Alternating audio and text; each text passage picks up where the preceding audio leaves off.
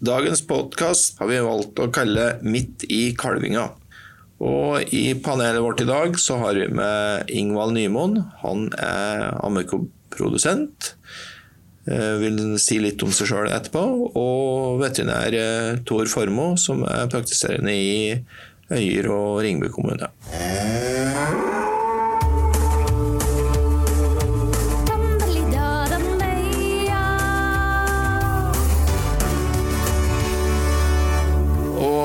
Meg sjøl, jeg heter Anders Bergom. Jeg er fagansvarlig for storfe i Fjøssystemer.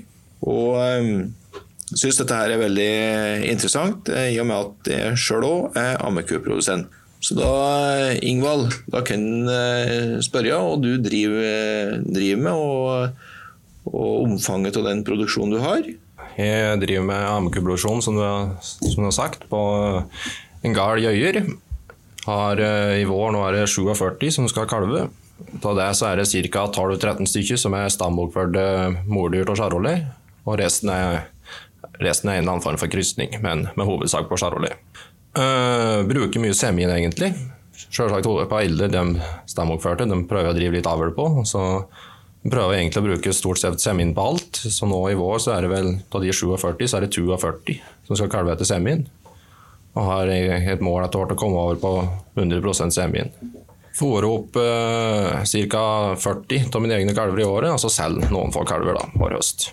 Da har du eh, kua på utmarksbeite om sommeren òg? Ja. Har eh, hovedsaken på utmarksbeite, litt på innmarksbeite. Og, ja. Men hovedsaken går på utmarksbeite. Og så, Tor? Ja, jeg er da veterinær i Øyer og, Øyer og Ringbu kommune, som du sa, Anders, og driver en meget blanda praksis. Men vi har en god del eh, ammekuprodusenter, og det har økt jevnt og trutt Eh, siste året, så det utgjør en stor del av praksisen vår, særlig på denne tida her. Så har oss, eh, har oss mye. Og da er det noe kalvingsutfordringer, sjølsagt, som det er i, i kjøttfeproduksjon. Men mitt syn er vel for så vidt at det har, det har utvikla seg positivt siste året. Ja, og det tror jeg Eh, ut ifra eh, en slik enkel huggeregning som jeg, jeg, gjorde i dag før jeg, jeg reiste hit, det var at eh, i vår kommune så, så utgjør jo eh, ammekua i praksis en fem, i overkant av 500 kalvinger eh, nå på tida her. Og det er jo ikke ubetydelig hvis du sammenligner med melkekutallet Nei da, det er absolutt eh, det er en stor mengde det som kalvene har periode her, og på en såpass konsentrert eh, periode òg. Ja.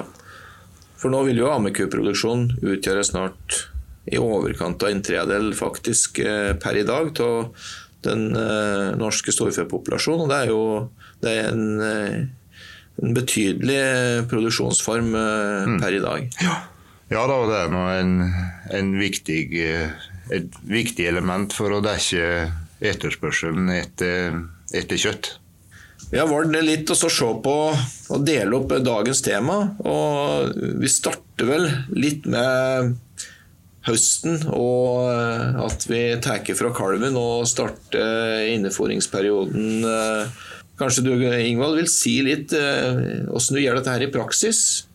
Som sagt, Dyrene mine går det meste på utmarksbeite. Det foregår stort sett i Øyerfjellet ja, 750-900 meter over havet. Der går de til kanskje ca. rundt 10.9.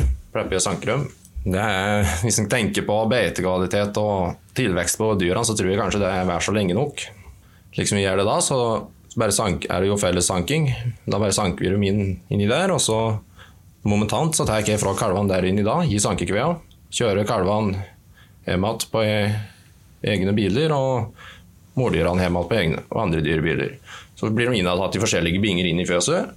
Eh, med en gang eh, da påfølgende dager så er det drektighetsundersøkelser av de mordyrene som er da ikke skal skjeltes ut. Det er jo støtt noen som skal skjeltes ut av en eller annen grunn, men de vi har tenkt å sette på, blir da momentant direktesundersøkt så fort som mulig. Og da når den verste rødtinga har roa seg etter to-tre dager, så går de mårdyrene vi skal ta vare på og ha videre påsett på, ut på noen dårlige beiter hjemme. Så de går det der og går på dårlige beiter og jeg får en del tilleggsfôr. Gjerne helm da, egentlig utover høsten. Gjerne helt til snøen kommer. Jeg, jeg tror kanskje dette der er ganske typisk for det drivsopplegget som, eh, som vi har i, i, vår region. Da. Og jeg kjenner meg igjen sjøl i, i, den måten å gjøre det på. Vi gjør det jo eh, på mange måter helt tilsvarende. Og kanskje prøve å spåre og dyrke jorda i forhold til eh, mye trakk og, og stor belastning av dyr.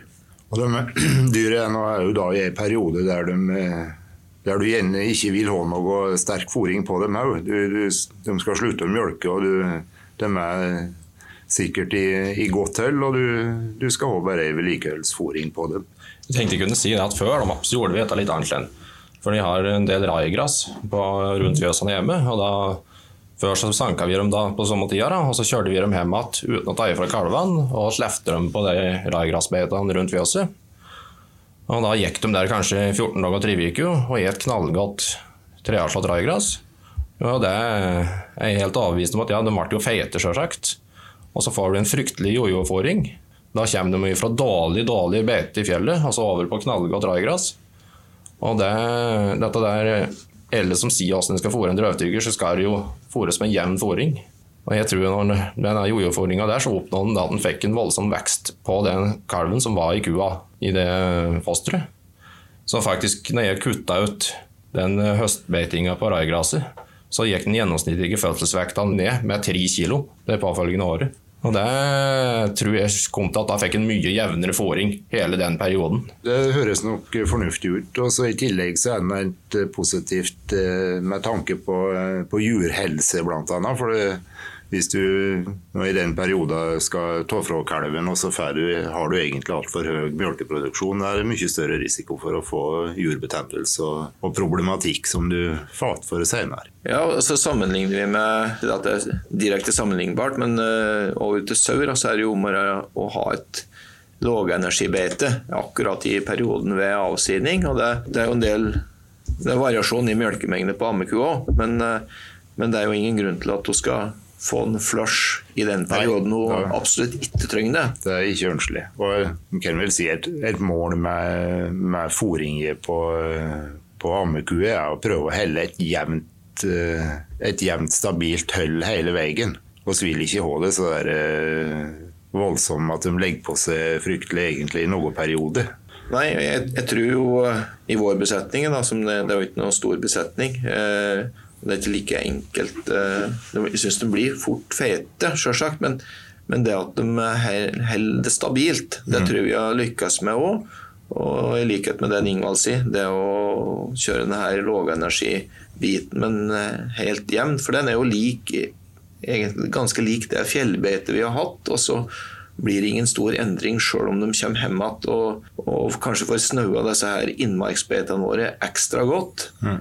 Og det gjør jo de beitene mye bedre neste vår. Ja, det tror jeg er helt rett i, Anders. Og jeg tok en fòrprøve inni der dyrene våre går her en høst.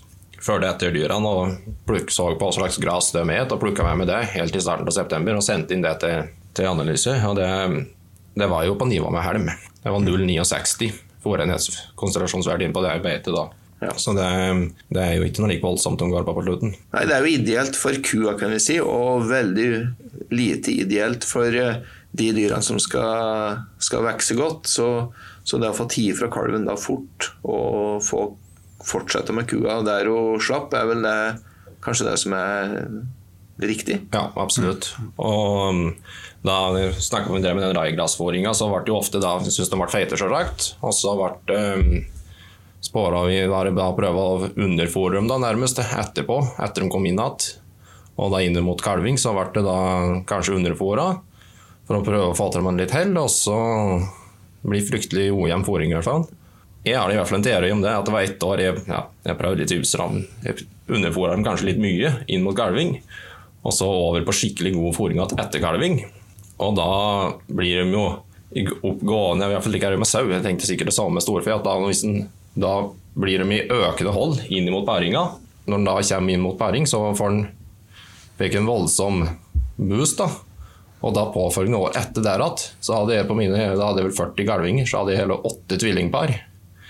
Og jeg tenker at det kommer til det at da jeg fôra dem for dårlig før kalvinga, og så skikkelig godt etter kalvinga, så de da er på, på stigende hold. Og så da fikk av alle de tvillingene, og det, mitt syn så er det ikke ønskelig med tvillinger i ammekuproduksjon. Det er mye træl og mye ekstra arbeid. Ja, nei, det er helt enig i. Det går, går alt fint, så er det et pluss, men det er så fryktelig mange som det ikke går bra med, og som det blir komplikasjoner med. Så jeg, jeg syns ikke at det er ønskelig i, i stor grad. Du, du, var inne på det med drektighetsundersøkelse, og det er et fryktelig viktig, viktig moment da, en, at en vet at kua er drektig. Dette å drive og fôre på noe som viser seg å, å være tomt når du kommer ut på, ut på vinteren, det er dårlig butikk. Og dette så få drektighetsundersøkt flokken om høsten når den setter inn, det er fornuftig. Det, men det er jo lurt f.eks. de som bruker, bruker egen ukse da, på, på våren. Dette at du får sjekka en del tidlig drektighetsundersøkelse der, så du vet at oksen har fungert. På dem der du har, har sett paring, da, da kan vi drektighetsundersøke etter en seks uker ca. Kontrollere at oksen virker. da. Det er nok eh, fornuftig. Og da vil vi jo, eh, slik som i tilfellet hos Ingvald, og for så vidt eh, for, i besetningen vår òg, at når vi bruker mye semin, så vil nå gjerne begynne insemineringa tidligere. Og da får du jo kalving i stort sett i, i starten av februar, i månedsskiftet og utover. Men det, det forutsetter jo òg en god fòring og jevn fòring, som du var inne på, Ingvald. Og det er kanskje nøkkelen at vi vi har nok vitaminer og mineraler i, i denne komposisjonen som vi gir dyrene, Tor. Og det jeg tenkte jeg skulle høre bedre om, eh, særlig også i forhold til kalving. Da, for jo, vi vil jo ha kalven best mulig og mest eh, livskraftig. Ja da, og det med vitamin og mineraler er viktig. Og, og slik fôringen må være på ammeku, så er det lite kraftfôr. Og vi vet at uh, vitamin- mineralinnholdet i grovfòret det kan du si jevnt over er for lavt til å, til, å, dekke behovet. Så på dyr som får under 3 kg kraftfôr, og det gjelder vel de fleste, tror jeg, så er en nødt til å gi et uh, skikkelig tilskudd med mineralnæring. Og det er noen ulike, ulike, løsninger. Det er klart det er en del som har begynt å bruke en del boluser som du legger ned. Det egner seg for mikromineralen, men du dekker ikke for makromineraler. Men f.eks. det å, å, kunne legge ned bolus litt før kalving eller på vårparten for å sørge for en mineralbeskyttelse eller tilgang gjennom beitesesongen, da, da det fungerer greit. Mens på vinteren så er du nødt til å gi tilskudd med ikke minst uh, selen og E-vitamin, og òg Magnesium er det, er det manko på. og Særlig her det er mye fjellfôr, så er det lavt nivå av magnesium. og Det er mitt inntrykk at det er nok en del som ligger i grenseland på magnesium. Og òg på selen der vet vi at det er for lavt. Så dette å gi, ja. gi rikelig ja, anbefalt dose med mineralnæring gjennom vinteren er viktig. Og du gjør da, Ingvald? Hvordan legger du det opp? Uh, nei, Jeg legger det opp på den måten at uh, før vi slipper dem på utmarksbeite, før vi slipper dem på beite om våren, så legger jeg inn boluser. Mm. Og det er jo den mineralnæringa de har da, gjennom hele beitesesongen og inntil de blir satt inn igjen om høsten. De har selvsagt saltstein og likt, men det er jo den mineralnæringa de har. Og da nå hele da inneforingsperioden fra innsett om høsten og til de skal ut på beite, så bruker jeg mineralhvitepulver, rett og slett. Som jeg bare strør på på grovfòret når jeg fôrer dem jeg har kjører grovere først, og så bare strør jeg dette mineralpulveret oppå. Det er de som bare det, syns jeg, da, på det jeg bruker. Mm, ja. Og det, jeg har nok de siste årene gått litt opp på dåsene. Gått opp, ja, litt opp på dåsene, og da det er jo nesten borte etter du gjorde det, så er jo nesten borte dette med at du har kalver som ikke vil suge. og Det er jo nesten en problematikk vi ikke har. Det ser når kalven kommer til, så ser han kjeften omtrent begynne å gå med en gang før han har reist seg. Han leter etter pappen med en gang. så det, jeg tenker at det er kjempeviktig å ha, ja. ha kontroll på den vitamin- og mineralstatusen. Ja. Og det er helt eh, essensielt for uh, livskraftige kalver, altså at de får nok. Og det er riktig, dette er fornuftig det som du sier, å være sikker på at du gir nok. For du er på nivå der som Det, det er ikke noe fare for noe overdosering. På de nivåene vi prater om der, da er det bare å ligge litt i, litt i overkant. Og Inntrykket ditt, Tor, slik som nå, er, er en stor framgang når det gjelder profesjonalisering i ammekubesetninger. Og at vi er mer eller mindre kvitt dette her at vi, er, vi har eh, mangel på vitaminer og mineraler i, som ser utslag på kalven. Da. Ja, det er, klart, det er blitt mye bedre, i hvert fall. Det er som i, med, med, alt dette der. Du har variasjoner fra dem som gjør det helt eh, topp på alle vis, og så har du andre enn av skalaen. Men det har hele tida forskyvd seg slik at det har blitt bedre og bedre. Eh, det syns jeg. Men det er det er fortsatt en del som ikke har god nok kontroll på dette der. Altså ikke, ikke gi mineralnæring, nærmest. Og det, da, da får vi problemer med svake kalver. Dette er jo kanskje den beste forsikringa vi kan gjøre eh, for å lykkes. da. Beste og billigste, tror jeg. Ja, ja det er jeg helt enig i. Og ikke noe som er mer armelig enn å stå der med en kalv som ikke vil syge. Det er frustrerende. Ja.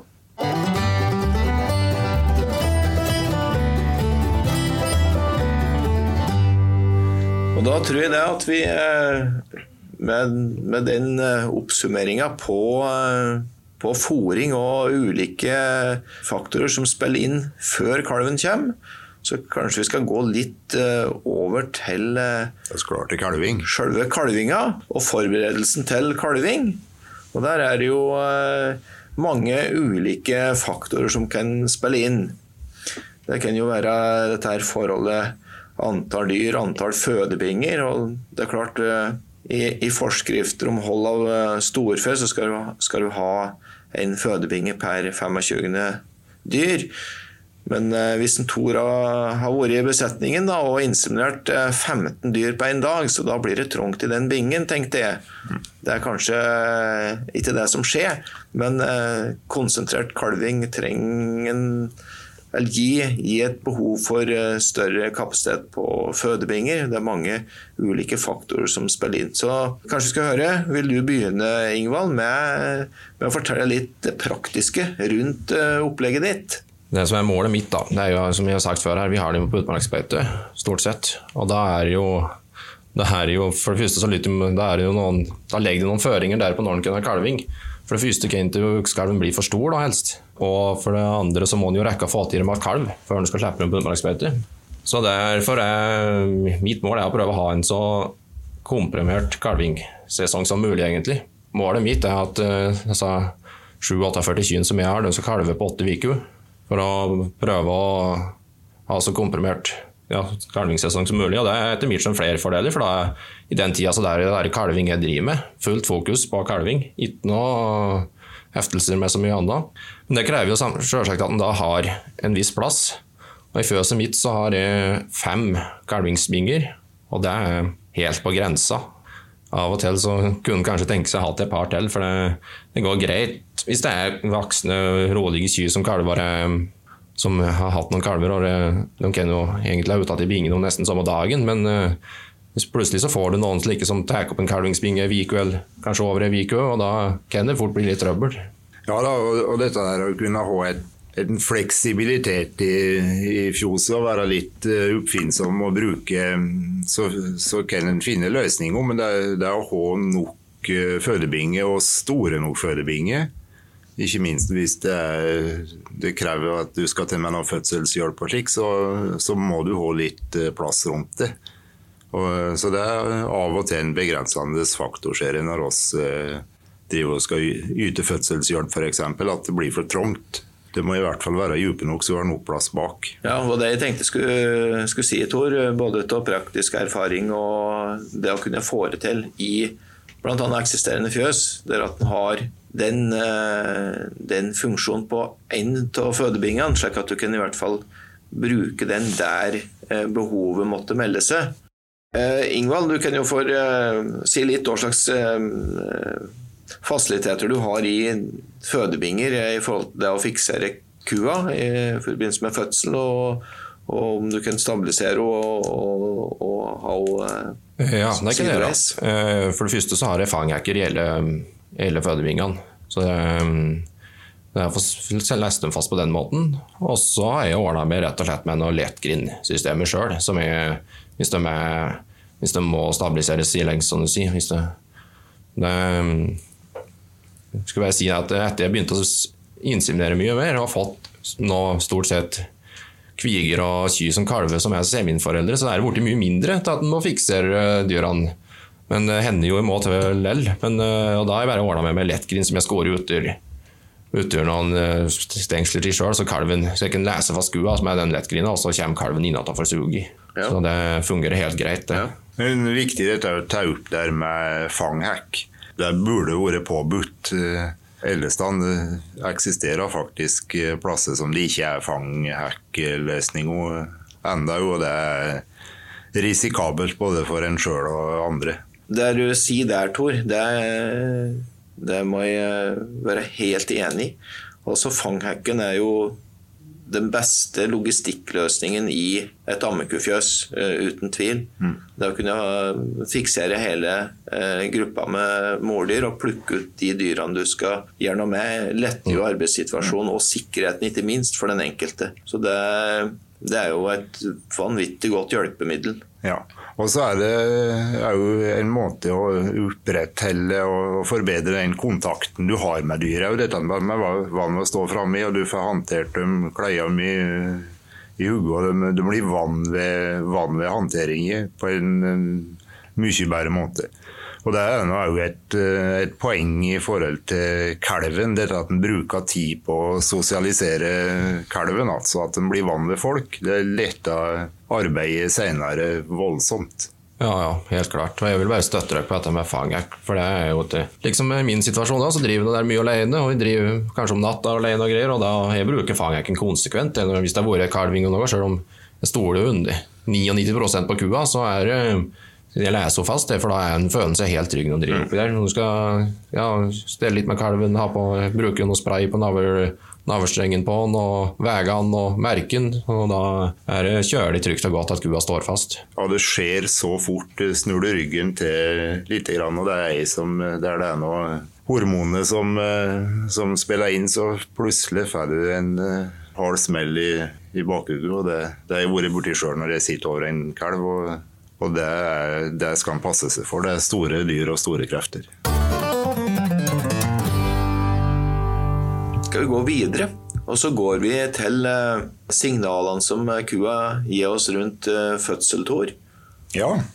Og, og selve fødselen. For det, det, er jo på en måte det ultimate i denne her rekkefølgen. da, Starten og Ja, og det er noe det er noe fryktelig uhyre viktig at det går bra da, med, med fødselen. Det er som den skal leve av i eh, ammekuproduksjon og få ut denne kalven, og at det går bra. Så du kan si En normal fødsel, i tegnet du ser på at fødselen begynner å nærme seg på, på ei ammeku, er det samme som du ser på ei, på ei mjølkeku, men av og til litt mindre, mindre tydelig enn det, i hvert fall når det gjelder det å sette jur. De er ofte senere med det å, og sette mindre, mindre hjul, så du har, ikke, du har ikke den uh, faktoren. Men uh, de hovner ofte hovner opp bak og blir røde i skjedeåpningen. Siste men som fase én til en fødsel, da kan du si, som går og slik grovt sett et, eh, et døgn, det er at de begynner å Du ser ofte at de kan trekke seg litt mer for seg sjøl. Eh, grovfòropptak, drøvtygging eh, går ned. Og, og, da er vi inne i en fase der du begynner å få sammentrekning i livmoret, og som blir hyppigere og hyppigere og hyppigere. Og dette går Kvige slik kan ofte bruke litt lengre tid. Ei, vakseku kan ofte komme fortere uten at, uten at du ser så mye. Men Eh, etter kort så blir det kraftigere, kraftigere symptomer. De kan bli litt uh, urolige og legge og reise seg litt. Og, og, og normale forløpet da, at du etter kort ser, ser fosterhinne og fosterblæra som kommer, eller grå, gråaktige blære som kommer. Og det er viktig at den skal i utgangspunktet få komme i fred. Tar ikke hold på den. For den er viktig for, for oppblokkingsfasen i fødselsveien. Normalt når, når den er kommet, så, så skal kalven komme i løpet av et par, et par timer.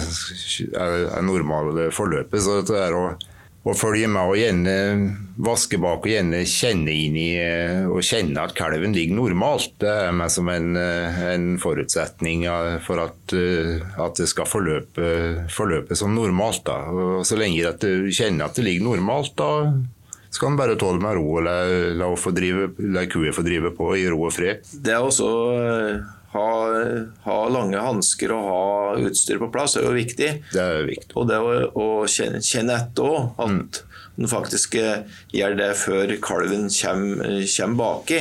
Ja.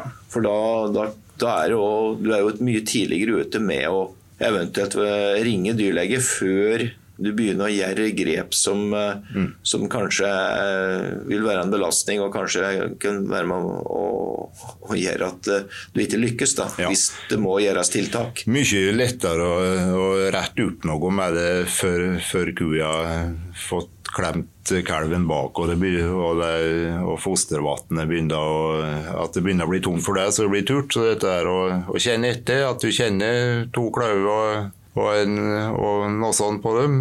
At det ligger normalt. Og da, da skal de få bruke litt tid, da, og da tåler de å ligge ganske lenge.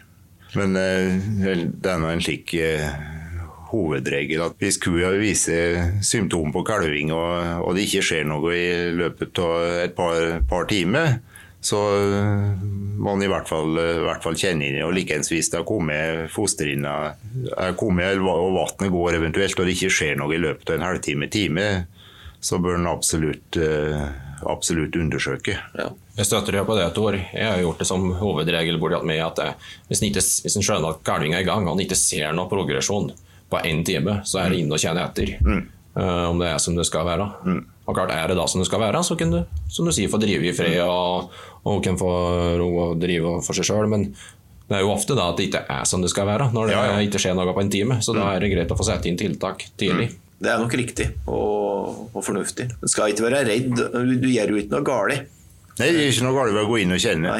Og, og, er det noe du lurer på, så ta en telefon til oss. Ja. Det er oss absolutt eh, positive til å, til å råd, gi råd over telefon. og Det er mye, mye bedre å ha en, ha en dialog slik. Når kalven kommer, da, Tor eh, nå har jeg, jeg kjøpte meg slike kjettinger sjøl nå. Og det syns jeg var grådig lettvint, i stedet for å drive, både i forhold til hygiene og, mm. og, det å ha et godt tak og, og hjelpe til litt. Ja. Ikke mye hun brukte, men da, da, er det mye lettere for meg, meg sjøl òg. Eh, Ingvald, og hva er praksisen din? Nei, jeg har jekk. Du har jekk? Og det Nei, det er ikke det at en behøver å bruke den ikke mye, men det syns jeg som sagt jeg driver for mye alene, og da er det jacken, hvis jeg bruker den, så føler jeg at jeg har kjølig god kontroll på det. Men da må jo selvsagt være kjølig obs på når en skal bruke den. Han må jo kjenne sin ja. begrensning. Ja, og det, det er, er, viktig å, å, å kjenne hvis du bruker det, at du, at du har en uh, grei progresjon altså, på det. At du kjenner at du skal ikke stå der og nidrage hvis det ikke skjer noe. Nei, så absolutt. Og, og er jo dette der og Sjølsagt så vil en drive mye enslig, men hvis det ofte så kan det være behov for å ha noe hjelp hvis det er problem. og Da, da, da kommer du ofte ikke så langt uh, sjøl. Så det er jo kunne, og er jo slik sikkerhetsmessig altså, dette å ha med seg en eh, kollega eller, eller eventuelt veterinæren hvis du føler det slik. Jeg kan si jeg har brukt jacken litt lik. Så kommer noen baklengs og lik, for da er jo selvfølgelig ja. at da får han kontroll på det, og så får han fort ut. Ja, mot at han skal absolutt. stå der og dra, ja, ja, ja. dra så det, fingrene omtrent. Så det, det, er et kjempefint hjelpemiddel når det blir brukt riktig. Altså. Og det er klart, denne her eh, klemfara ved navlestrengen, og du, du, mister akkurat denne progresjonen mm. i det, de få sekundene dette her gjelder. Ja, ja. Og, det, og det står jo om liv og død på kalven. Ja, og da, det er jo, eh, som du sier, Ingvald, et kjempegodt eh, hjelpemiddel. Og jeg, synes jeg, da, jeg, jeg føler jeg har god kontroll med den da, når jeg den. Mm. Ja. Nei, Det er jeg absolutt enig i. Og Når vi har fått den ut, da, så er det viktig at, eh, at du har en fødebinge som er ren, og at det er god hygiene der. At det er turt, og at du har liker noe best når det er godt med helm, godt med turhelm. Eh, dette er nå litt hvem har tilgang til, men òg dette Fautkalven rengjort luftvei på noe slikt, sånn ser at en puster og eventuelt hjelper, hjelper til litt, sånn får dratt i gang. Og dette der, hvis du har noen som er, er dårlige til å puste eller vanskelig å få i gang, så å klype, hardt i nossene er ofte et, en ting som gjør at de uh, drar etter godt. Og så var vi inne på, uh, på jodsprit. Dusje, dusje navlen. Jeg anbefaler å bruke jodsprit det er den jeg har best erfaring med. Det fins andre, andre sprayer, men jodspriten er vel gullstandarden, slik jeg føler det. Den har jeg brukt i alle år. Har heller hatt en navlebetennelser eller noe, så da ikke kutta ut av bruken. Eller? Nei, det, det, er fornuftig. Ja. Og dette der, det er en sum av mange ting, dette der, om det blir noe problem eller ikke. Men uh, god hygiene, turt og godt. At uh, dusje jodde navlen skikkelig. Da, da har, du, har, du, en god start.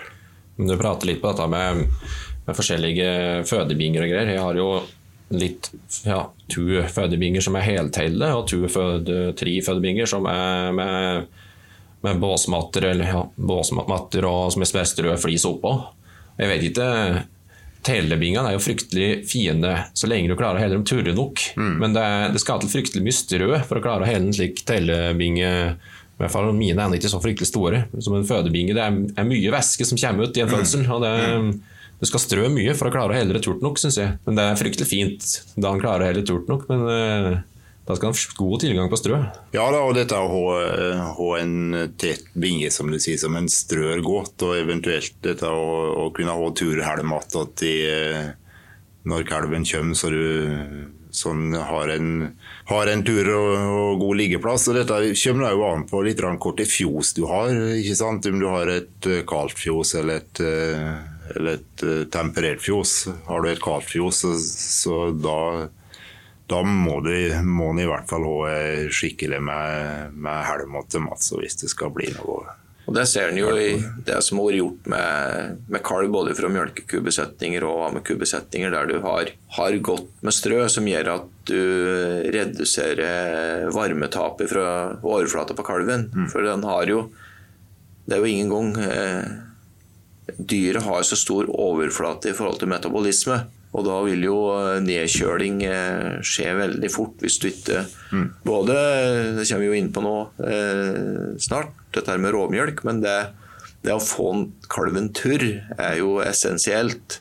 Ja, ja. Det er helt kjempeviktig. Og dette der er, dette vet vi er et problem av og til, at det kommer til kalve Kanskje har du ikke sett at uh, kua er, er klar til å kalve, og så kommer det til ut i uh, i fellesbinge og, og i møkkrenn og slik. Og hvis det er klart, skal, De skal ikke ligge lenge der altså, før de blir skikkelig nedkjøla. Og da er første, første pri er dette å få uh, turka dem og, og vernt dem opp. altså. Så jeg tenkte på det, Du var inne på dette her med un, både underlag Ingvald, og, og type fødebinge og hygiene. Men uh, men det er jo jeg tenker litt dette her med stabilitet med underlag og sklisikkerhet òg. Der du har hatt en, en vanskelig fødsel, jeg har sjøl opplevd det. Og der det gikk galt med kalven pga. ustabilitet på kua i bingen. Mm. Og da hvis jeg har hatt fasiliteter som har gjort at jeg har hatt stort nok areal, det er, det er jo en utfordring da ofte. Men, men jeg har vært sikker på at kua sier helt rolig og stødig. Eh, det, da er jo tallebingen kjempefin. Ja, absolutt. Mm. Jeg ser òg at det, kalven reiser seg nok bort i tellebingen, for det er lettere, å, lettere for den rett og slett å få fotfeste, er mitt inntrykk til, i de med båsmater der jeg har. Jeg har jo på bra med flis der òg, men det, det, blir fort glattere, som du sier. Ja, og så koker det jo ned til dette der at eh, det er mange løsninger som fungerer, bare du gjør det ordentlig. Mm. Jeg tror det er veldig viktig det du sa der, Tor. at den gjør tiltak på de løsningene en sjøl har, mm. og optimaliserer det. For, uh, for, det er jo ingen fasit her. Men, uh, men godt turt strømmateriale kan vel konkludere med Det må til. en forutsetning. Men da er vi vel over på eh, Når en har fått ut eh, kalven, da er det noen råmjølker som er det absolutt viktigste. Eh, For en, eh, for en kalv så er en helt avhengig til å få til, få til seg godt med råmjølk og god råmjølk i løpet av det første døgnet. Kan vel si En slik eh, tommelfingerregel for hvor mye en kalv skal ha, er vel 1,5 liter per 10 kilo levende vekt som de skal eh, få til seg i løpet av første døgnet. og Så mye som mulig, så tidlig som mulig. Og I utgangspunktet, når kua kalver, dette der reingjøre i juret, mjølker opp, kjenner at juret er i orden, og så la dem få litt eh, ro og fred i eh, fødebingen, tror jeg, til å prøve å ordne det sjøl i, i første omgang. Dette er noe litt ulike, ulikt hva, folk gjør, men uh, i hvert fall følge med at en, eh, at er oppe og prøver å suge. Men det, og, og har ikke det lykkes i løpet av eh, en time eller to, så eh, da er det, må en hjelpe til å eventuelt gi meg råmjølk med fleske, eventuelt sondefòring. Ja, da er du helt rett i, Tor. Hvis det ikke og slik som jeg gjør det, Hvis en ikke, ikke er oppe og går og ikke har fått soge på to timer, så er det jo inn med tiltak, som du sier. Og da er det jo forskjellige. Enten man jo tider råmjølk, eller så, eller så kan de mjølke ut kua. og smoke, Kalve med smokebytte, ei smokeflaske, eller med sonde, som du sier, hvis den er helt håpløs. Best er nå i, i utgangspunktet å få, få, få råmjølke fra egen mor, og, og ammekuer de har nå såpass mye mjølk som oftest at det er og, og hvis du har har kyr som er rolig og har vært håndtert, og slik, så får du fint mjølk av dem. Og det er noe, Første målet er, er noe, det er det som er den viktigste råmjølka slik i forhold til å få overført rikelig er eh, den utviklinga som skjer da, med både kalven og kua, henger jo veldig godt i hop, Tor. Mm. Og det her med Kanskje når kua da er i denne her eh, fødselsmodusen, at den uh, mjølker utover en halvliter, en liter i forbindelse med både sjekt og jur, og uh, er forberedt når uh, kalven er kommet. Så den er startpakka. Jeg har veldig tro på det og erfaring med det at om kalven da bare er i kvarter og får en halvliter med mjølk, for da er jo sugerefleksen så sterk òg. Ja, da. da blir det nærmest det som startgass på, Mm. på kalven, og han kommer i gang enda raskere. Så, og, så Det er jo riktig som du sier, det er ofte når kalven før den har kommet seg på føttene hvis den har, når, når den ligger der, hvis du har mjølka ut litt av kua, da, da suger de ofte fryktelig godt, for de skal begynne å bruke energi på å og konsentrere seg på å stå attåt Da har de god sugerefleks, så det er et godt tidspunkt. Og, og da er vi i hvert fall sikre at du har fått, i det, at du har fått inn noe. Så Ja. Og da er det samtidig litt, kanskje litt lettere å mjølke kua og når du ligger der og er, Ja, har helt andre ting å tenke Tenk- på ja. enn en akkurat uh, å slenge ut en bakfot. Mm. Ingvald, hvordan, hvordan gjør du det? Altså, passer du på den tida eh, når kua kalver og, og sjekker? Og, Nei, da gir jeg mest mulig fri. ja.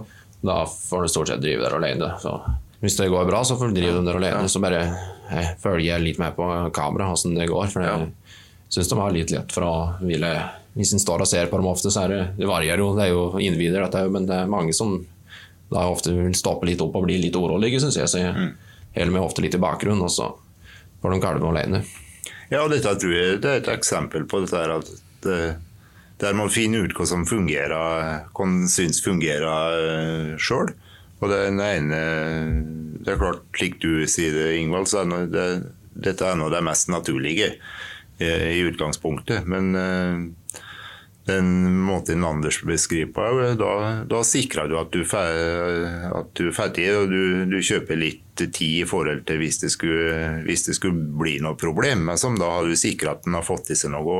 Og, Ken er jo, som du sier, de blir ofte fryktelig pigget av det. altså. Det er litt krut for dem, dette der. Ja, jeg tror det. det er, jeg i hvert fall opplever det veldig, veldig positivt. Man kunne si det jo Samtidig så har i den, den besetningen så har jeg jo plukka ut de få som måtte vært litt, eh, litt mer kvassere på, på lynnet. Så de er jo, de er jo slakta ut. Så mm. hele besetningen er veldig rolig på det. Men, mm.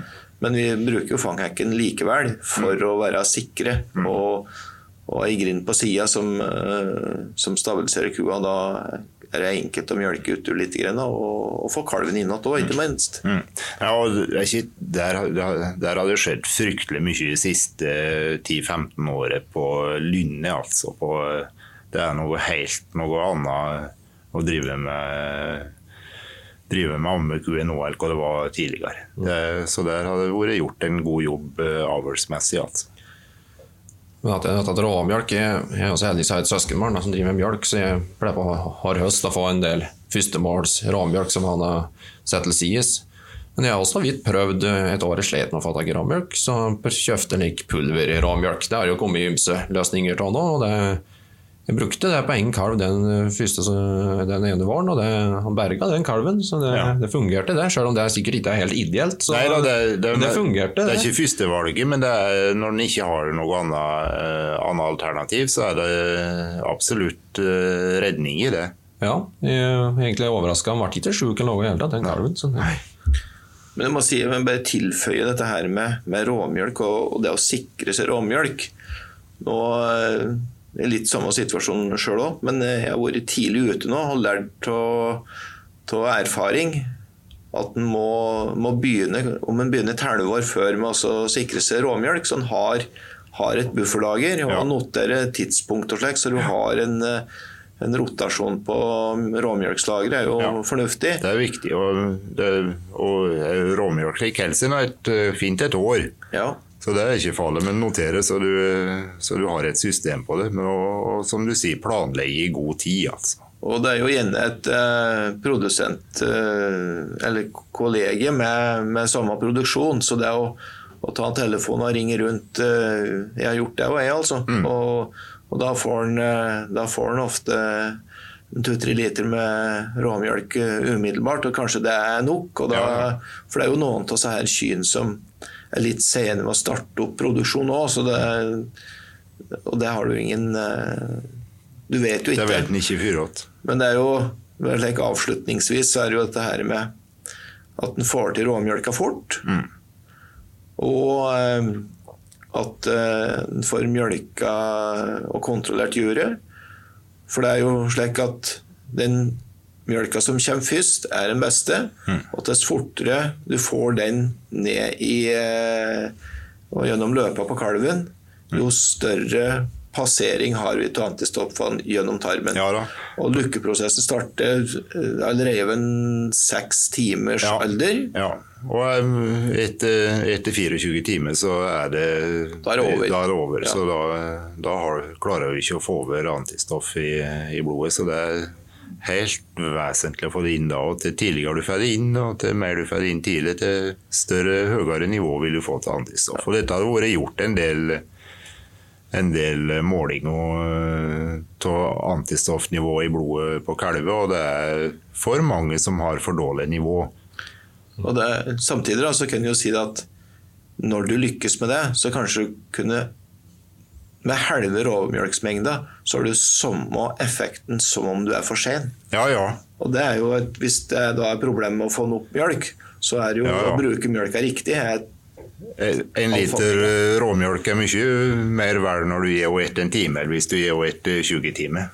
Jeg kan jo si, jeg tenkte på at Det har kanskje litt med oppstilling å gjøre, da, men tiltak jeg har gjort for å, at det skal være mer råmjølk i syn. At jeg prøver å helle dem som har kalver og som ikke har kalv ennå, atskilt. For jeg har sett på, så på det at de, spesielt på Kvigen, førstegangskalvene, så gikk, selv om de gikk for seg sjøl, så snek kalvene seg gjennom noen liggebassbøyler og greier borti hos dem. De som da begynte å bli kanskje fem-seks uker, så sto de der og saug og ordentlig kosa seg på de kvigene som enda ikke hadde kalva. Og de tror jeg egentlig syntes det var godt, og brydde seg ikke noe om det i hvert fall. Men det medfører jo det at når de da kalver, så var det omtrent ikke råmjølk i dem.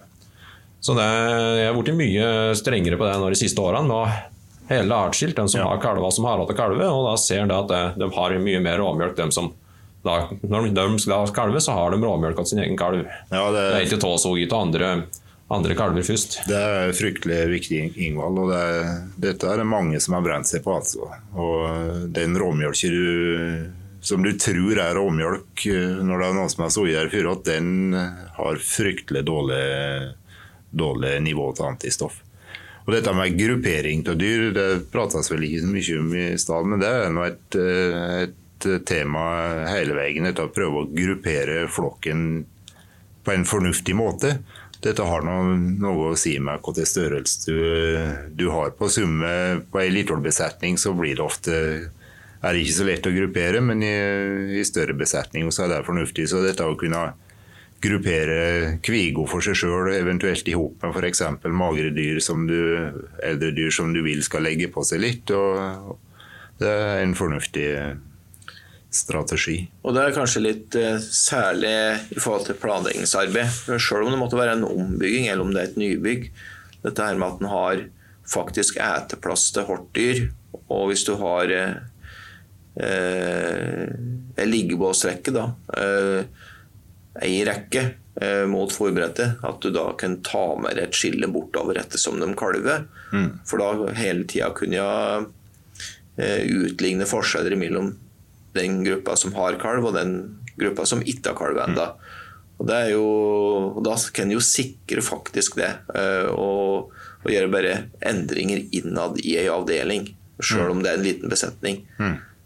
Ja, det er jo det jeg gjør. Bare flytt meg med griner, så det så det er med artsskilt. Ja. Men som, ja, hvis du snakker litt på gruppering om, ja, Med seg er grupperinga at eh, Kvigen eh, de har egne binger, eh, og da ofte med noen Hvis det er en magre førstegangsky eller noe, de kommer inn om høsten som er magre, så går de i hopes i samme bingen. Mm. Så går eldre i andre stort sett i én binge. Mm. Det, det er jo ikke det at eh, De får ikke så mye ekstra fôr, slik som de i Kvigen, men de ser det at de bruker lengre tid på å ete. Ja, de får fred til å da, ete. Da får de fred til å ete opp sin rasjon uten at disse store bælene kommer og sjøser dem unna. Ja, og samtidig så er de jo mer sårbare i forhold til tannfelling og den, eh, den mm. perioden de er inne i. Mm.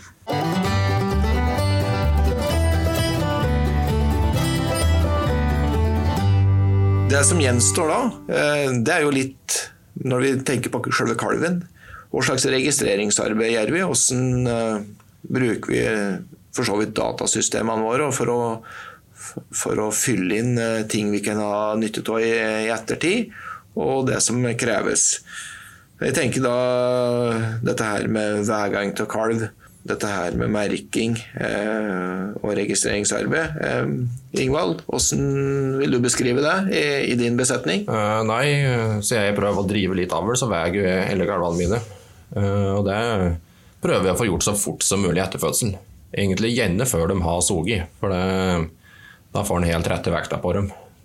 Kan, hvis de syr mye, så kan de plutselig bli mange kilo tyngre bare i løpet av der noen minutter. Så det, det prøver vi, hver gang jeg prøver egentlig å ta når de har reist seg med en gang. Og da klemmer jeg til merkene alt med en gang, så er jeg ferdig med det.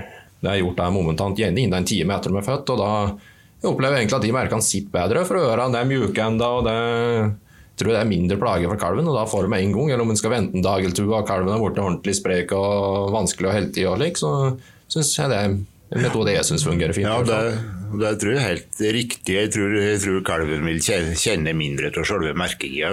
Da er du akkurat det å få et øremerke da er lite, lite, lite påkjenning sammenlignet med det å være klemt ut av kua. Så da da tror jeg ikke en reagerer så mye på det. Nei, Det er jeg helt enig i. og da, nei, da ja, hvis det lykkes slik det gjør, så da veien og merken, og så har en bare bort på, bort på spenen der med en gang. Og så mens han driver og prøver å syke, så bare tar jeg opp mobiltelefonen og gjør registreringsarbeid på storfekjøttkontrollen der momentant. Ferdig med det. Da er det gjort. Det er veldig rasjonelt, og beskriver kanskje litt uh, måten du gjør ting på, Ingvald. Du er veldig rasjonell, så, og det er jo uh, det å få gjort det, og ikke minst gjort det riktig, det er jo eh, Da har en kontroll. Ja, og, det, og, og dette stole på at en skal huske ting eh, over noe lang tid, det, det, skal, det er det de færreste som gjør. Så få det ned på papiret eller ned på dataen så fort som mulig. Og det å ha en uh, liten PC borti fjøset i dag, det er jo Eller en smarttelefon. Mm. Det er slippe å ta dem inn. Mm. Da blir det gjort. Og det, da, Når du sier dette, så er vi over på for så vidt litt på sida av det vi prater om nå, men dette å kunne å ha ordentlige fasiliteter i fjoset. altså. Dette der å det ene er at det skal være smittesluse for eh, folk som kommer inn, og som, der, det er, der, det er, temperert og godt og klærne og skoene er varme, og at du har et egnet, en egnet plass til å sette seg ned og gjøre, notere inn i helsekort og skrive inn på dataen og slikt. Det gjør hverdagen mye bedre. Så er det jo, når du vet at du har tingen, det er, det er jo godt. Det gjør ting mye mer lettvint da, i, i det daglige. Ja, og jeg vil òg slå et slag for da å ha, ha en ørliten mulighet for å kunne legge seg nedpå. Det syns jeg er godt. Det skaper mye bedre stemning inne i heimen òg, hvis en ikke driver opp og, i sin egen seng. Så ligger noen ved sida av oss en vaken annenhver time og skal følge med åssen det går. Da skaper det mye bedre stemning innendørs òg. Det er, viktig, det er viktig. Etter vi fikk kameraten i, i besetningen vår, så jeg slipper oss å stå opp, bare se bort på skjermen, og så slipper jeg å gå bomturene. Så er det jo ingen som våkner, og det er jo eh, det er bra for en, sin egen del, for da er det fort gjort å sovne igjen. Og så er det jo eller de andre som eh, kanskje er like grinete når de eh, våkner og gang står opp.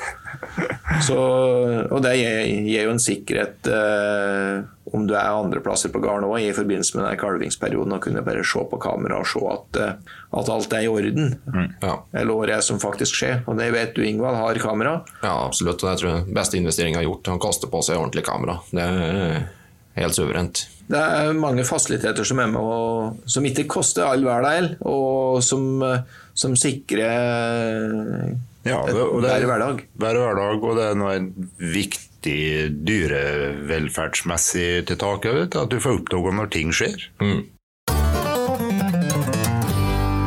Dere var inne på en litt annen ting her som eh, har betydning for, eh, for kalvinga. og da er vi eh, eller her er veldig interessert i, i avl. Men uh, riktig ku som kalve, riktig kvige som kalve, Ingvald. Uh, vi prata litt òg på semin, seminlinjer og, og, ting som vi kanskje ikke har like god kontroll på. Vil du, vil du si litt om det? Ja, altså Der har jeg sikkert gjort de blemmene som går an å gjøre. og det er, det er jo prøve at er de påsettkvigene at de er For det første at de er store nok. Da de insinuerer dem eller parer dem. På Charolais så liker jeg at de ligger oppunder 500 kg levende vekt da vi skal insinuere dem. og da, da får en som regel robuste kviger som tåler bra å fødsel. Men òg uh, like viktig at en plukker ut kviger som har god kalvingsevne. Det er Etter mitt skjønn kjempeviktig. for det er stor forskjell i de forskjellige populasjonene. og Det, det jeg sjøl blenda med på det flere ganger og sette på kviger som har for smale kryss. og Det blir påfølgende kalvingstrøbbel. Sjøl om kalven ikke er så stor, så er det problematisk en fort blir. Dårlig dyrevelferd og økonomisk tap å sette på slike kviger. Så jeg mener at En av de viktigste indeksene man skal se på hva slags mordyr en skal sette på, er jo dette med kalvingsevne på de påsettkvigene sine. At det er nesten viktigere enn eh, mjølkemengda, er min mening. da. Og dette med utvikling, utvikling som du sier, det er, det er utrolig viktig. Og da, da setter kravet krav om at du har en god, god oppfòring på kalven og, og, og kviga oppover fram til vi skal inseminere. At du, at du får en god vekst da. Slik at de, for det å begynne å, å prøve å justere det etter at du har para, det er ofte ikke noe, noe heldig. Du du må, være på et riktig utgangspunkt. Ja, absolutt. Det er jo det kvigeoppdrettet og fôrer dem som er store nok ved inseminering og slik som med. Der, altså vi prøver, har mål om å ha såpass konsentrert kalving, så er jo og kvigen skal kalve inn som mål på to år, så da er det jo må jo fôre dem godt den uh, første vinteren etter de har lett jobb. Det er ikke noe annet å gjøre med det. Og Vi kan vel si det, i hvert fall uh, i den besetninga vi beskriver nå, så, så blir jo OI både fødselsvekt, uh, avvenningsvekt og ettårsvekt. Og der, Det gir jo veldig sterke indikasjon på om dyret er i riktig rute i forhold til vekta ved inseminering eller paring. Og så er det jo òg uh, ingen grunn til at kvige skal være for lett ved kalving. I dag, når vi har hatt slik avlsmessig framgang på alle faktorer, men ikke minst på tilvekst, mm. der vi ligger på en, igjen en 1100-1200 gram tilvekst på 200 dagers vekt, det er jo ikke noe unormalt, Ingvald. Nei, det er ikke det. Og at vi da uh, fører ei jevn, fin fòring uh, eh, framover på det, det dyret. Eh, da har du et kjempemateriale å gå videre på for dem som da blir ut som framtidige mordyr. Og da er det jo mange faktorer som påvirker hva slags eh, dyr som skal velges ut til det formålet. Men, eh, men at en er bevisst av historikken bak. Og nå har vel du, Anders, kåra kviger, har ikke du gjort det? Ut ifra nå er vel Tyr og Nortura kommet med nye, nytt system for hvordan en kårer kviger. Nye faktorer de ser på, så mer beregna på kviger. Så for min egen del så ser jeg, ser jeg for meg at det må være noe man skal begynne med etter hvert, og kåre, kåre kvigene for å få en objektiv vurdering til påsettdyrene sine. Ja, da, da, får en jo, da får han jo visst mer, og det er klart det at en kåring både til hanndyr og hoder er, er viktig avlsmessig. Og så er det at eh, du tar jo vekk ikke minst dette her med kløver. Det er mange ting som, som er viktig å ikke dra med seg videre i avlen. Eh, begynner jo med i bunnen, altså kløver, eh, krysset, altså lengde, dybde og, og bredde på et kryss har jo veldig mye å bety. Og selve bekkenåpningen, den er jo viktig, og den, eh, den vil jo være Det er jo noen raser som er veldig, eh, veldig gode på det, eh, som er brukt i krysningsavl bl.a.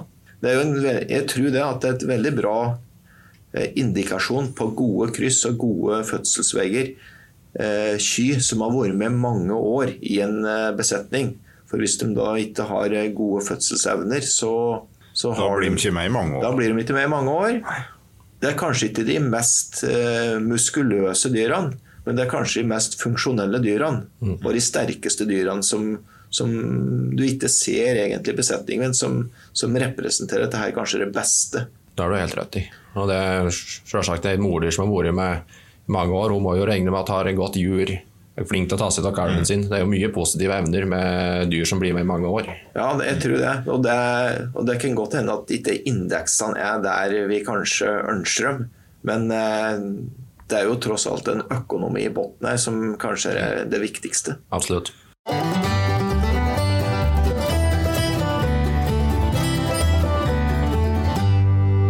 Det er jo at det skilles jo en del, eh, dette her med produksjonssykdommer på ammeku kontra mjølkeku. Det gjør det jo, vet du. Det mjølk, f.eks. Eh, jordbetennelsen og, som, er noe, som det er et stort problem. Eller, som er en viktig sykdom på, på mjølkeku, er for så vidt en lite problem på kjøttfe. Men det er klart de skal ha det med eh, De skal da være i- orden i juret, men det er klart de har ikke en produksjon i i den graden som gjør at du får de samme utfordringene som på, på mjølkekue. Men sjekk at juret er i orden. Og er det, men ei kjøttfeku kan fint klare seg med en eh, avsett pappe. Så, eh, og mjølke mer enn nok på, på de andre. Andre, andre sykdommer som f.eks. mjølkefeber, som også er vanlig på, som er et problem på, på mjølkeku, ser oss i mindre grad på eh, på kjøttfe, og ser det enkeltdyr som får det. Og da er det noe som oftest i tida rett, eh, rett etter at de har kalva, at de blir, blir liggende. Og, og da er det noe, rett og slett kalsiummangel som eh, kommer pga. at de begynner å mjølke, og du får kalsiumnivået i blodet blir så lavt at eh, muskulaturen ikke, ikke fungerer. Forebygging for slike ting er dette der å å unngå å få for feite dyr ved kalving, og det er å helle jevn, jevn fôring. og Det er ikke noe det løses ikke ved å tilføre mye kalsium, fyriot. Men det, det er, som er målet, er at kua skal mobilisere kal kalsiumen sjøl. Ja, for dette der er jo egentlig et uh, stoffskiftesak. Ja da. Og, Og det er vel eh, gjerne eldre dyr som, som er mest utsatt for det du beskriver nå, Tor. ja, det er fra gjerne fra tredje kalven og eh, oppover. Som, eh, som får det. Så det, dette er ikke noe stor, eh, stor problem i, eh, i, i kjøttfebesetningen. Dette er jevn fôring, jevn tilgang på mineral og vitamin og mineraler. Det er også i praksis en fore, forebygger med. Andre ting på, som man ser på kjøttfe, er noe med skjedeframfell. Det var i hvert fall et reelt problem i, i mange besetninger. Der har jo nok avlen gjort mye til at det er mindre. Og det, det som skjer, er at du har ei på- Når fosteret vokser, og de er, ja, det blir fullt, fullt, i buken, og du får et trykk mot uh, bakover, og så har du svakheter i, i skjeda som gjør at, du får, at det kommer ut en ballong av av Og I verste fall så kan det òg bli med blæra inni her, slik at de ikke får pisse, og de, da vil de truge seg voldsomt. Så dette der er helt essensielt å få behandla. Og da er det må vi rett og slett bedøve dem eh, bak og, og få det inn igjen og, og, sy igjen. Og det, da må man passe på rundt kalving. Men det er klart dette er et individ som eh, skal sjaltes ut. De skal ikke settes på på at, og du bør òg eh, heller ikke se på etter dem. Hvordan er det og din besetning, Ingvald? Jo, jeg har sikkert hatt min del med skjedeframfall. Mm. Jeg har prøvd å behandle flere, og jeg har prøvd å slakte dem ut ettersom de kommer. Men det er klart, nå har jeg liggebasser, og det er vel man ser jo det at hvis, en, hvis, ser ei, hvis det er ei som holder på å få skjedeframfall, og tar av liggebassen og har henne bort en sjukebinge, så blir det jo borte igjen. Men uh, hun har sikkert, de har sikkert uh... Ja, de, er, de, har en disposisjon for, uh, for det. Men det er som du sier, der er fryktelig viktig. For når de ligger på liggebåsen med litt helling bakover, og kanskje ofte litt store, så de blir lian bakstussen blir hengende litt utover, da får du et, et trykk der. Så eh, det å forebygge med en gang du ser det, så jeg kommer på en, eh, på en binge med flatt gulv, det forebygger absolutt. Ja, Han ser jo det at som han slakter dem ut, så blir det jo det er jo minka. Ja, så det er helt klart en, eh, en betydelig arvedisposisjon inni der. Vi ser jo det i, i vår besetning at vi har hatt noen, og det er blitt slakta ut.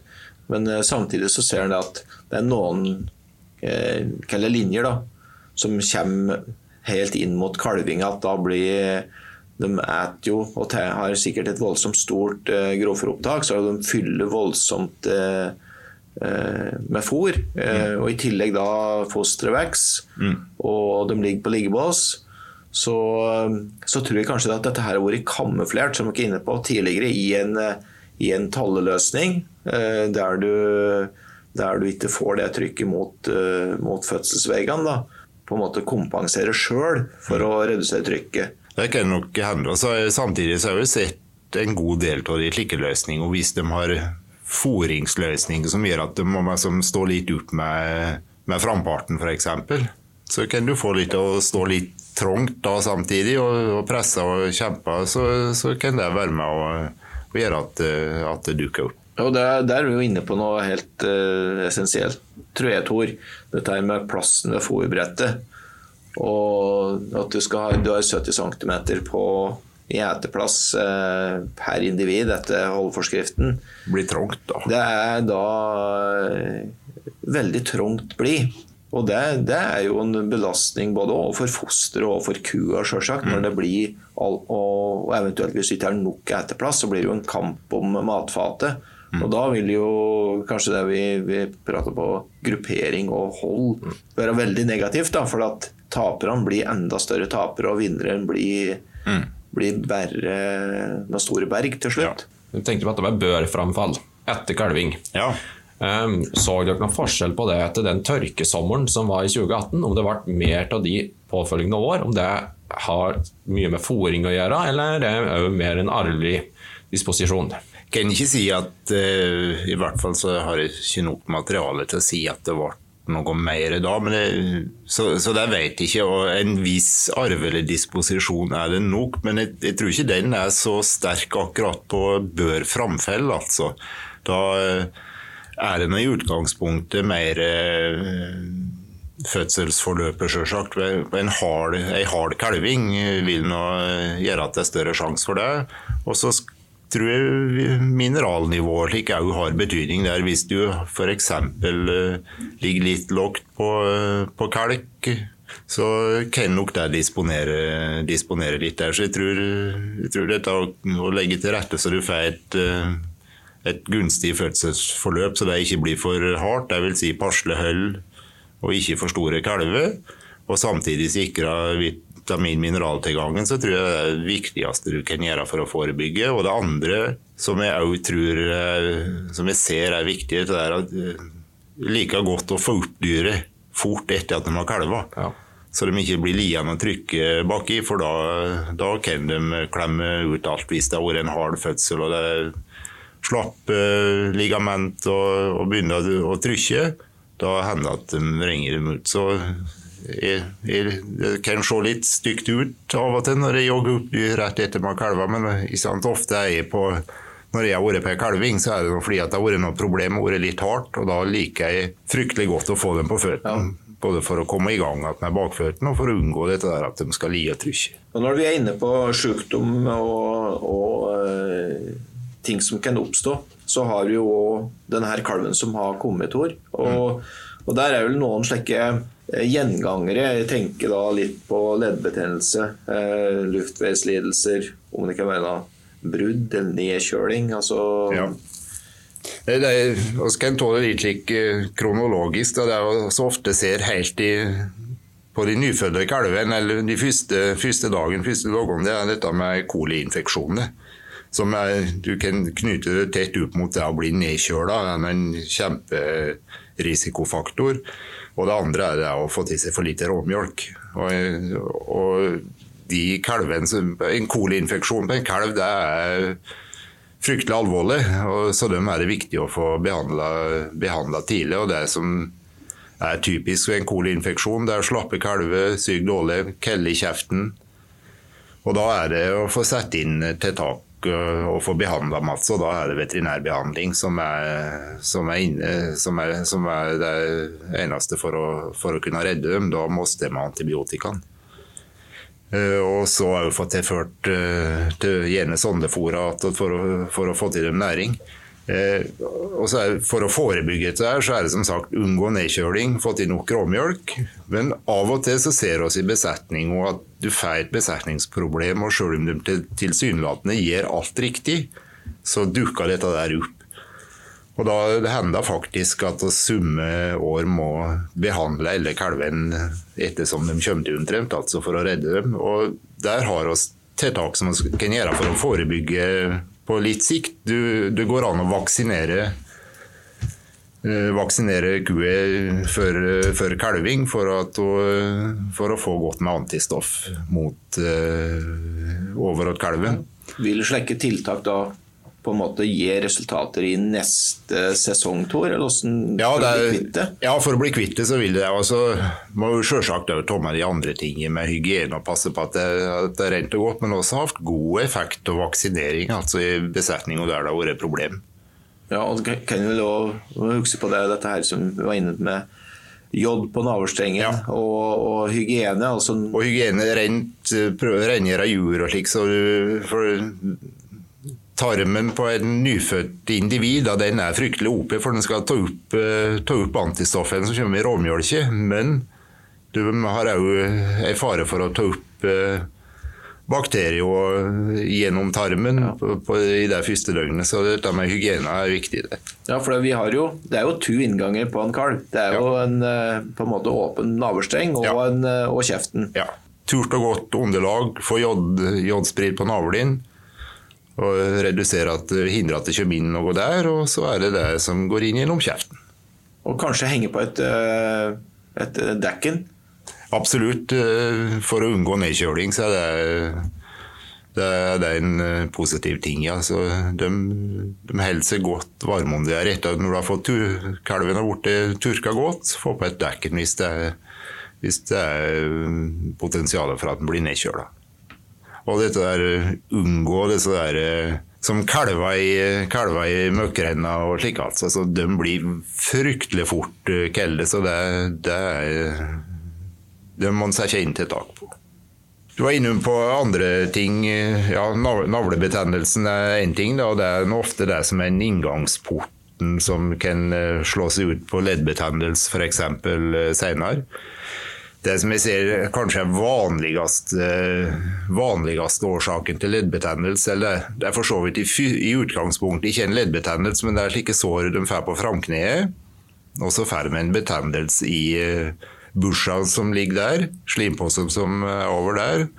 Og Hvis dette ikke blir behandla, så kan det utvikle seg videre til en leddbetennelse. og Da er prognosen dårlig. Så får disse som er tjukke og vonde framkne, så er det viktig å få behandla dem. Og der Det er som sagt det er sår, små sårskader der som er inngangsporten i, i utgangspunktet. Så det er underlaget til dem at det er turt.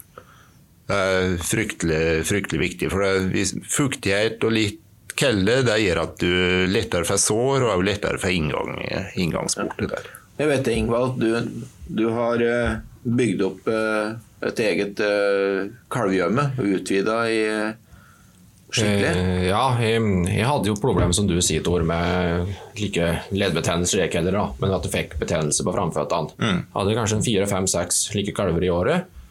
Og jeg konkluderte med at det også var kalvegjømmene, eller arealet for kalvene, arealet for kalvene var for dårlig.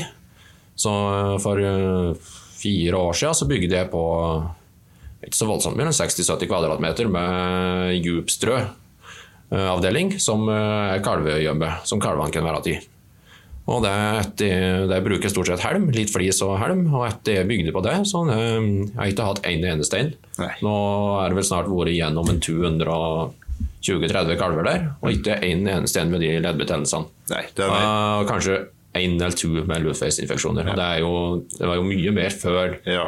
Før vi hadde det arealet. Ja. Dette er et godt bevis på at uh, miljøet er en fryktelig viktig faktor for det der. Altså. Jeg tror et av hovedproblemene var at de arealene som var der, var for små, og jeg klarte ikke å helle tut nok. Selv om jeg renska og strødde på at to ganger om dagen, så klarte jeg ikke å helle tut nok. Tror, så det, det, tror jeg er meget vesentlig. Jeg er helt sikker på det, Ingvald, at uh, dette her med stort nok kalvgjømme. Mm. Og det at uh, vi Altså, eh, jo større volum, dess mindre smittepress. Ja. Og slik erfaringsmessig så har jo for så vidt tilsvarende eh, løsning som det, Ingvald, med, med et kalvgjømme i forkant av liggebåsen. Og der Vi hadde, hadde litt leddbetennelse. Eh, og det tror jeg hadde sin årsak i eh, at eh, det var nytt, og at det var litt skarpe kanter på betongen. Mm. Så det, det var noen punkt som, som skiltes ut. Og men med noen enkle tiltak så, så, fikk du på en måte eliminert det. Og jeg syns jo det fungerer veldig bra nå. Men Men du, hvis du har plass og får nok strømateriale, så da tåler du at du ikke pynter hele tida, for da har du så stor buffer og du har så stor opptørking av det. Mm. Den uh, møkka og pisset som måtte komme, at det, det, blir på en måte en del av ei liggepute, nærmest. Mm. Ja, det er som du sier, det må strøs mye. Man ser jo det Hvis man har et kalvehjem som fungerer, så i hvert fall likt det vært hos oss, så er det jo slutt på disse kalvene som ligger bortigjennom i liggebåsene og, og, ligger rundt omkring i fjøset. De ligger jo samla i det kalvearealet. og det tegner i hvert fall som tegn på at det fungerer. Ja, ja. Og da, det, ikke sant? Helse, gode varme, det er godt miljø der, og det er god luftkvalitet der òg. Og det er også inne på luftveksinfeksjoner. og det er Luftveksinfeksjoner er nå et resultat av dårlig luftkvalitet og høyt smittepress. Mm. Så, så eh, og jeg tror det er dette med leddbetennelse Jeg vet jeg, jeg hadde en liten runde med denne godkalven i Åpen Kolbjørn Nybø og så på eh, hva slags besetning er det som kanskje får det. Og da har vi jo sett på mjølkebesetninger. Men det er jo det samme som skjer i en eh, ammekubesetning. Mm. At eh, kalven er jo leken. Den, den utvikler seg, og det er utvikler seg med, både med, med fart og bevegelse. Mm. Og hvis du fikk for store binger, så kunne du få en økning i, luft, nei, altså i leddbetennelse. Og det er ofte at når de kom til enden av bingen, så da, da ble det en bråstopp og kanskje gikk ned på kne. Mm. Så fikk du de små riftene. Og Jeg så på det i dag tidlig før jeg reiste hit. Nå er jo kalvene eh, etablert i kalvegjørme, Og når de fôra kua, så begynte ut, da begynner ikke kalven å fly på liggebåsene ute i, eh, i gjødselarealet til kua. Den går jo bak i kalvegjørme og og gjennomføre den atferden. Ja. Og der er jo ei, ei djup eh, mm. pute å bevege seg på. Mm. Og det, det tror jeg ikke en skal mm. Og da, i stand til kalvehjemmet, for å få det eh, attraktivt for kalven, så er det selvsagt uh, liggeunderlaget der. Men jo dette der å tildele litt, begynne med litt fint litt uh, fint grovfôr Ja. og litt uh, kalvemjøl og slik, så de får begynt å komme i gang med det. og gjøre, Da vil det der som, som kalven har for seg sjøl der, og da vil dette være en attraktiv plass for dem. Jeg tror igjen at dette her med, med vann òg. Altså vann er det billigste fôret, og, og rent vann, tilgang på vann. Mm, absolutt. Det er viktig. Og da, er inne på vannet, det er jo en ting en kan ta med akkurat på, uh, på kua når hun har kalva. Dette er å, å tilby jo godt med, godt med vann da. Da er de, drikker de ofte mye. Ja, jeg vil legge til, ja, jeg vil legge til der òg, Tor. Altså lunkje vann. Mm, lunkje, ja. Mm.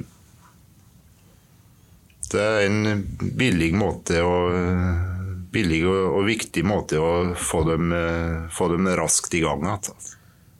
Hvor mye liter prater vi om egentlig? Ei ku eh, kvittes med med væske i forbindelse med en fødsel, Tor. Det er jo ikke ubetydelig. Nei, det er, det er mye Jeg har ikke akkurat det i hodet, men det er mange liter. Og, vet, og de, kan, eh, de kan godt drikke en 20-30 liter eh, med lunkevann ei ku etter en, eh, etter en fødsel. Og det betyr mye for uh, melkeproduksjon, blant annet. å Komme i gang med det. Og for ei optimal vom, eh, vomfunksjon eh, etter kalving. Gjør du noe tiltak termebytte, Ingvald? Nei, jeg har ikke gjort det. Jeg har bare, med så være drikkemøter de drikkekarene de har i kalvingsbingene. Jeg har gjort, jeg har gjort omtrent når de er der, så Ja. timebytte. Og den, de tar 20 liter egentlig på en blunk, altså. Ja. Da tror jeg vi eh, har kommet, kommet ganske langt med denne podkasten. Men jeg har bare lyst til å ta en slik liten eh, En lite sammendrag, egentlig. Og så får du korrigere med eh, litt underveis. Men eh, midt i kalvinga så et fokus vi, vi må ha, det er at i forberedelsesfasen så må vi ha riktig fôring. Nok eh, vitaminer og mineraler store nok dyr. Altså tenker vi litt på kvigen, Ingvald, og at vi har de riktige kvigen som skal kalve. Ja, det er viktig. Vi må ha nok fødebinger ut ifra det driftsopplegget vi har valgt.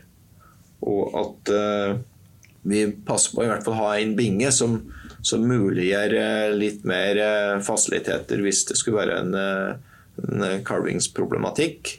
Og at vi har et fjøs med fanghacker som muliggjør både logistikk og sikkerhet for egentlig både for dyr og for, for folk. da. Og at vi har med oss i bakhugget eh, gruppering av dyr, slik at vi tar vare på råmjølka for de dyrene som ikke har kalva. Helsemessig så, så er det som en Tor har vært inne på, eh, veldig bra her, dette her med mineral og vitaminer eh, for at vi skal forebygge helseproblemer. Dette her med at vi eh, har hygiene og får til råmjølka fort nok. Og at vi eh, tenker på nok strø, hygiene i, i kalvgjømet, god nok luft, rent vann. Alle disse faktorene her er med også lave og gode betingelser for at vi skal få en, en vellykka både kalving og en vellykka kalv etterpå. Og så er det helt sikkert mange ting som eh, vil være ulikt fra gard til gard. Men eller alle må dra erfaring, og kanskje, kanskje vi i større grad også skulle eh, se på de registreringene som vi har gjort, og eh, gjøre oss noen betraktninger i det lange løp da, på hvilke dyr, hva slags fôring, høste erfaring, og gjerne også den her med kollegaer. Ja, eller å spørre noe fagpersonell. Har jeg god erfaring med. Og mm, kunne være fint å diskutere både fôring, både ja. I hvert fall nå kunne bare ta fra meg sjøl som et eksempel her. Nå etter kalvinga så nå har jeg ti fôrprøver til å meste grovfôret mitt, og sendte det over, over at for, i fôrprøvene over at en fôringsrådgiver. og konkluderte det med at vi har så godt grovfôr, så slipper bl.a. å bruke kraftfôr nå skal gjøre utover at det, det skal, grovfôret skal dekke opp næringsbehovet til amukua. Det tenker jeg slike, slike ting uh, som jeg, ikke- kunnskap ikke jeg Stine meg med sjøl, i hvert fall, som det er greit å, å hente inn. Det er fornuftig. å dette bruke de, bruke de kanalene en har til å få, få info. Diskutere, med, diskutere ulike problemstillinger med dyrlegen hvis det er noe helsemessige, og fòring med fòringsrådgiver og det, Slike ting er viktig. og Det er også ofte litt litt for redde for å vise at vi ikke kan alt. Slik jeg, slik jeg ellers, og ikke være redd for å ta kontakt for å søke råd. Ja, og dette her er jo sammenfallende interesse egentlig både for, for dyrene og for den enkelte. Både eh, dyremessig, eh, helsemessig og ikke minst eh, fôringsøkonomisk. Og totaløkonomien da, for, for den enkelte produsent. Og det er jo det, er det som er litt mål med dette her, og, og kanskje ha fokus på, på, ting som vi ikke diskuterer så mye til, til daglig. Men mm. Men gi noen tips og vink. Eh. Ja, åssen du sier, man prøver å gjøre det beste ut av det en har. Vi er nå langt ifra noe ideelt fjøs. Mye jeg kunne tenkt på en varenslen der, egentlig. Men det, man prøver å gjøre det beste ut av det en har sjøl, og det er ofte ikke så mye som skal til. Bare nei. nei lite grann, så kan en få, få helt andre resultat. Ja, og det, dette ser oss nå når, som dyrleger når vi fer rundt, at de de fineste fjosene kan være helt håpløse hvis de ikke blir drifta godt. Og, og de helt håpløse utgangspunktet kan fungere ypperlig så lenge de som er der, gjør, gjør jobben skikkelig. Så det er viktig å komme i hug dette og gjøre, gjøre, det beste du den har. Absolutt. og som jeg kan si til Min far støtt si, at det, det, er summen av alle detaljer som skaper resultatet. Mm. Og Det synes jeg, det er i hvert fall det jeg prøver å leve opp til. Det var veldig godt sagt, Ingvald. Og det var veldig artig at du ikke tok dere tida, at dere ville være med oss i Fjøssystemet på dette her. Takk for invitasjonen. takk for invitasjonen. Det var artig, det. Ja. Hjertelig takk.